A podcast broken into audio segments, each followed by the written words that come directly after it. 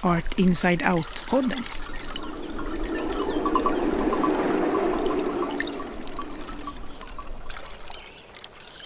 Författaren Thomas Bannerhed besökte residenset Skift i Eskult och tog med residenskonstnärerna på en fågelskådning. Efter besöket spelade vi in ett poddavsnitt där Petra Johansson, Thomas Bannerhed och jag, Jesper Nordra, kommer att prata om relationen mellan litteratur och fåglar. Om att använda det absoluta nuet som utgångspunkt i skrivandet och skuld i relation till platser vi lämnat efter oss. Kan väl, eh, vi kan väl börja i det. Alltså, kan du bara berätta lite om vad vi har gjort idag? Vi var i Fågeltornet och det var vid Tjolöholms slott. Eh, jag hade hoppats på hundratals rastande vadare. Men väder och vind hade skrämt dem på flykten. Så att då fick vi nöja oss med själva miljön där och ett havsörnspar i och för sig mm. på en klippa på andra sidan. Och eh, ett gäng knölsvanar och vitkindade gäss. Och kanske en starflock for förbi. Det var lite svårt att se för att fönstren var så igenregnade.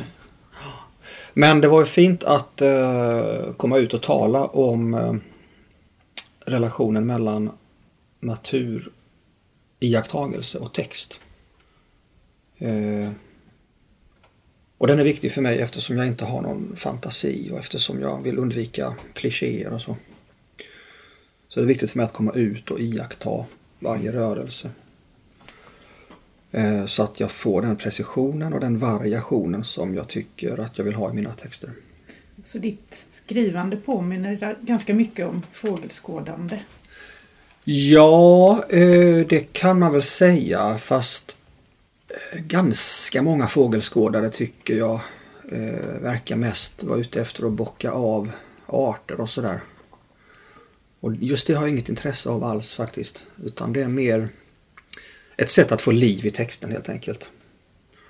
Eh, så det är ju inte själva, om jag skriver roman, så är ju inte själva fågelns liksom, beteende eller så det viktiga men på de ställen jag ska ha med i texten så vill jag att det ska ge sken av att äga rum i textens nu.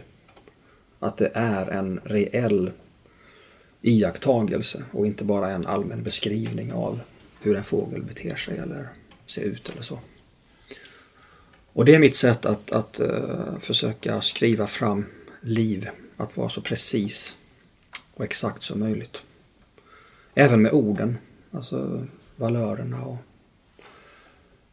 och just där är just det här fågellivet fantastiskt. Alltså det finns en sån fatabur att ösa ur.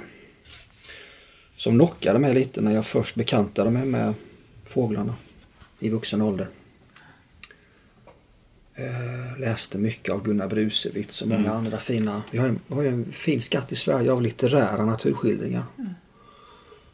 Och upptäckte då det här språket som omger fåglarna och deras värld. Alltså som... Eh, jag satt så här och antecknade girigt allt om deras vingspegel och undergump och blinkhinna och sånt där. Och att de, att de kan vara klykskärtade till exempel. Och så ryttlar de och ruggar och sisar och har sig. Så det är sådana här väldigt specifika ord som ofta också har någon sorts eh, historisk eller till och med kulturhistorisk koppling etymologiskt. Som berikar texten, eh, tycker jag. Jämfört med att bara hitta på några mer allmänna ord för hur de ser ut eller så. Så kan man använda de här specifika termerna som... Och artnamnen blev ju alldeles... Eh, här stötte man på då liksom sommargyllingen och aftonfalken, ängspiplärkan. Och det var något helt annat än get och gris och så som jag hade vuxit upp med. Artnamnen var rena poesin i sig på något sätt. Jag tänker på att de där orden för mig. Det är inte så vanligt att vi använder de där orden. Jag förstår att det är fåglar och så men jag har, de är liksom, har blivit abstrakta kanske för den moderna människan. Mm. Det är fint, tycker jag. människan som jag. Ja. Nej men det är fint. Jag, har känt, jag känner mig som en sorts eh, levande anakronist. Alltså. Jag vet inte vad det kommer av men så när jag kommer hit här, alltså jag blir alldeles... Det är nästan lite svårt alltså att komma hit till Eskult. Jag fylls av sån ömhet och skuld på något sätt inför människorna som har levt och verkat här. Antagligen beroende på att jag själv växte upp i en gammal lantbruksmiljö då som jag lämnade så fort jag kunde. Det, ja, jag vet inte. Det är, det är någonting med den där skulden som jag brottas med och försöker skriva mig in i och komma ut igenom. Att du ville lämna.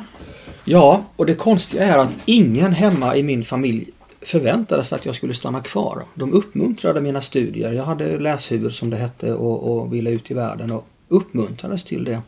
Och ändå har jag nu gått i 30 år och brottats med den skulden över att jag övergav dem på något sätt. Att deras slit inte var något värt eller jag vet inte, det är jättekonstigt. Men sådana känslor får jag när jag kommer hit också. Man går in i ett hus och ser hur de har levt, alltså att de bara överlevde tänker man. Mitt i vintern. Ingen eh, elektricitet. Mörker och kyla. Fem ungar i samma rum. Jag vet inte men vi, vi, vi har det lättare idag. Men eh, för min del så har det också lett till en, en skuld som jag har svårt att bli av med riktigt.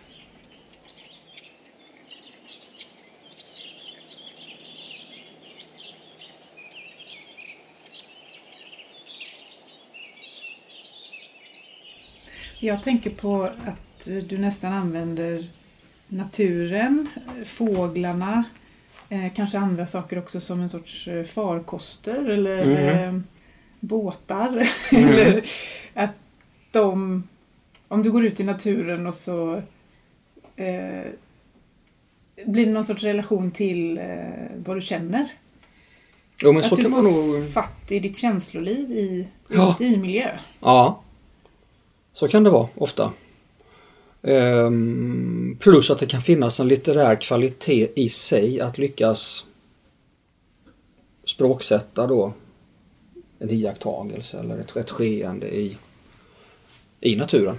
Eh, som kan liksom vara motiverat i en roman även om det inte händer så mycket. Men eh, eh, språkligt kan det hända mycket i en sån. Så att på så vis säger även mina romaner ganska mycket collage. Där naturen är en viktig del och förhoppningsvis befruktar det övriga skeendet men som inte behöver liksom vara så meningsbärande alltid i sig. Utan, Det är ju spännande. Vi pratade ju tidigare. Du var inspirerad av eh, vad heter han? Den norm... Terje Vesås. Ves- Vesås. mm. Eh, och det här att, att skriva utifrån ett nu. Mm. Absolut nu-perspektiv. Mm. Inte Det- för då hände det eller Ja. han skulle sedan eller... Det är den stora utmaningen för mig. Och det tog ju flera år innan jag förstod att det var det jag var ute efter. Jag visste bara att jag jämt hade blivit så uttråkad av många romaner. Gamla hyllor och nobelpristagare som jag började gäspa efter fem sidor. Det fanns en underförstådd överenskommelse där mellan författaren och läsaren om att, eh, författ- att läsaren skulle sätta sig till rätta i, i en, en stol och, och bli berättad för. Och det tråkade ut mig. Jag tyckte att det var oengagerande. Men efter några år då och framförallt tack vare åren på Biskops Arnös eh, författarskola då så fick jag syn på det där. Eh, och att det ofta fanns rent tekniska element man kan försöka undvika eller vara försiktig med för att åstadkomma det här textens nu, alltså som jag är ute efter. En sorts transkribering av jag-personens medvetande eller så. Tankeströmmar, iakttagelser, rädslor, drömmar. Och eh, genom att utelämna vissa tidsadverbial och, och tidsbestämmande fogeord. Så här som när och sedan och så. Så kan man komma rakt in i nuet. Varje sånt här när och sedan och efter en stund och två veckor därefter och så. Varje sådan tidsangivelse eh, skapar för mig en distans till texten som innebär att författaren vet mer om texten än vad läsaren vet. Kan du ge ett exempel på hur en sån nu, nu-beskrivning kan se ut? Ja, ett annat trick är ju att utelämna subjektet till exempel då och att gå rakt in i och där har jag, minns jag i början av, av korparna så står det på ett ställe eh, Sitta på stenmuren och sortera fågelröster. Där, där, där. Eh, istället för när det hade gått en timme efter det att han gick hemifrån strosade han upp mot skogen och satte sig på en stenmur där han började lyssna på fåglar för att sedan artbestämma dem. Utan in i sitta på stenmuren. Vad är det som händer? Alltså man aktiveras. Det är något som händer nu. Är det något han vill göra, något han gör, något han drömmer om, något han minns? Alltså, det blir en gåtfullhet, en mångtydighet som jag eh, ofta känner eh, kan vara nödvändig för en konstnärlig kvalitet av texten. Gåtfullhet, ja. mång mångtydighet, att man släpper in läsaren. Men, men den gåtfullheten och mångtydigheten är samtidigt också ett anspråk på närvaro. Mm. Man, man, man, man begär också någon mm. slags närvaro. Av läsaren? Av läsaren. Ja. Och, och, och, och begära väl... kanske är fel ord för det är också man, man räknar med närvaro. Mm. Alltså på något sätt. Mm. För, och jag kan, kan, tänka mig att det var det, för när vi pratade om detta innan med konstnärerna så blev det ett litet sus där. Mm. Alltså det var väldigt många som, som mm. för, eller det var sån här känsla av att man, man, förstod något nu som man kanske hade förstått innan men som man inte riktigt visste att mm. man förstod. alltså lite så. Mm. Jo, lite det var så, fint ja. Ja, det var fint ögonblick. Och, Ja, det är väldigt spännande. Men jag tycker också det, det är det du säger att det kräver någonting av betraktaren eller, eller läsaren. Men jag tycker det är något fint alltså. Det är ju det är en sorts uppmärksamhet också. Och det är ju en fin form av generositet. Ja, exakt. Det är någon Att visa uppmärksamhet. Ja. Så det tycker jag... Jag tänker på nu, här. Nu sitter vi i en historisk kulturarvsmiljö i Eskultsby. En oskiftad by som på något sätt vill berätta berättelsen om hur Sverige såg ut förr. Mm. Hur kan man abstrahera nu här? Mm. När jag skrev Korparna minns jag så gjorde jag oändligt med research om varenda, liksom vilka pryttlar hade man i fönstren och hur såg det ut på spisen och så. Men sen slog det mig efter några år att om nu den här pojken lever i det hemmet så är ju allt det där inget han reflekterar över. Utan det är författaren som går in där och mm. återigen skapar distans genom att berätta för läsaren hur Klas skulle iaktta sin omgivning fast han inte gör det. Han tänker ju inte på att soffan står till höger om dörren. Den bara gör ju det. Mm.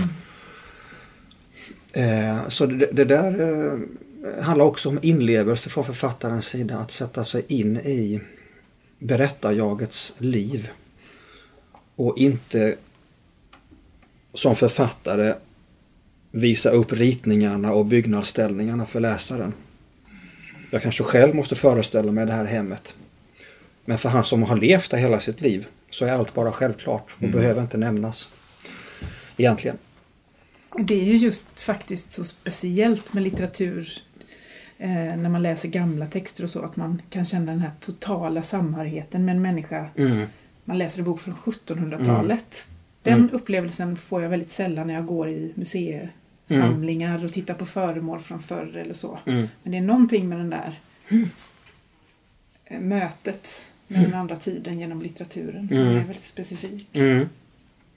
Så att just här i Eskilsby kanske det vore en risk för mig att, att försöka gestalta ett 1800-talsliv. Jag skulle bli för förtjust i hur taken ser ut. Och då, då skulle det vara författaren Thomas som går in och mm. visar sig duktig. Men däremot skulle jag ha st stor glädje av att vara här några dagar och, och kanske skriva en naturskildring. Eller kulturskildring men med fåglar och blommor och så. Det som faktiskt sker Ja. nu. Och det är ju på ett sätt också ett sätt att, att lyfta in miljön i litteraturen fast inte kanske den gestaltande skönlitteraturen då. Så det finns ju olika typer av, av texter.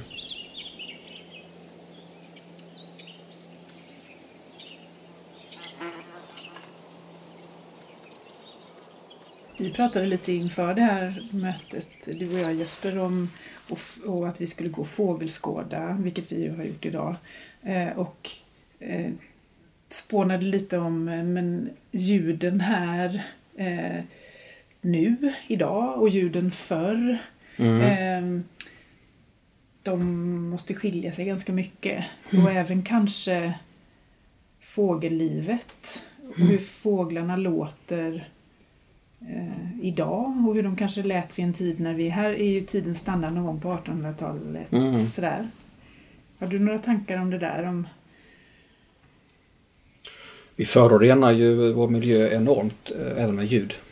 Ju, jag har spelat in 20 radioprogram som, som eh, heter Bannerheds bevingade vänner. Små avsnitt som har gått på radion. Och då blev man uppmärksam på alla ljudföroreningar. Jag vet inte hur många gånger vi fick ta om liksom små, små iakttagelser jag gjorde för att det var något flygplan någonstans som Mm.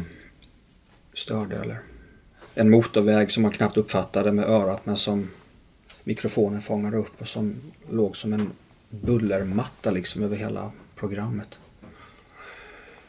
Ja, eh, fåglarna anpassar ju delvis sin sång och sina läten efter omgivningen. Trastar till exempel är duktiga på att imitera. Koltrastar i stan har jag hört låter som billarm och så.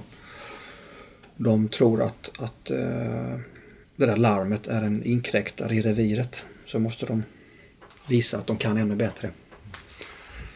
Eh, men många fåglar eh, sjunger och låter genetiskt.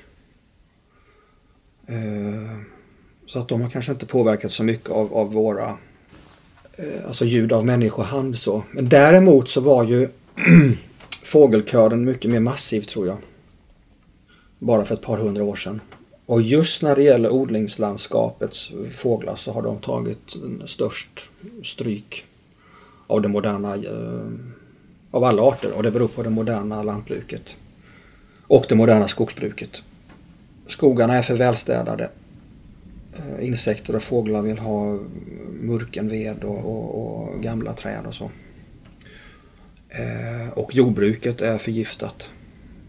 Och, eh, och också utdikat mycket. Förr i tiden var det, ju, var det ju rik både flora och fauna vid diken och vattensamlingar och kärr och så. Och man hade betande djur ute på ett annat sätt. Så där, det har missgynnat fåglarna enormt. Jag var för tre år sedan kanske där eh, eh, på en avsides eh, myr i Estland. I samband med att korparna kom på estniska så blev vi författare utbjudna till en, en, en eh, gammal myr långt ifrån all civilisation. Och så många gökar och så många näktergalar.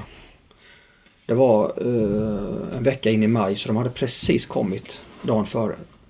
Jag har aldrig, jag tror inte jag hört så många gökar och näktergalar sammanlagt i hela mitt liv tidigare. Alltså det var som en gudomlig kakofoni. Va? Och jag tänkte så här kanske det lät. Innan vi mekaniserade eh, vårt liv på jorden. Det är ju bara några hundra år sedan så, så fanns det liksom inga ljud av, av människohand. I stort sett. Så om jag skulle fråga dig då om råd om jag skulle göra en slags ljudbild här nu som var mer som det lät för, för 200 år sedan eller 100 år sedan. Då skulle jag satsa på gökar och näktergalar. Åtminstone i den eh, trakten som var väldigt avsides. Men i Äskhults by så skulle det snarare vara eh, sånglärkor, eh, starar, eh, gråsparvar i massor.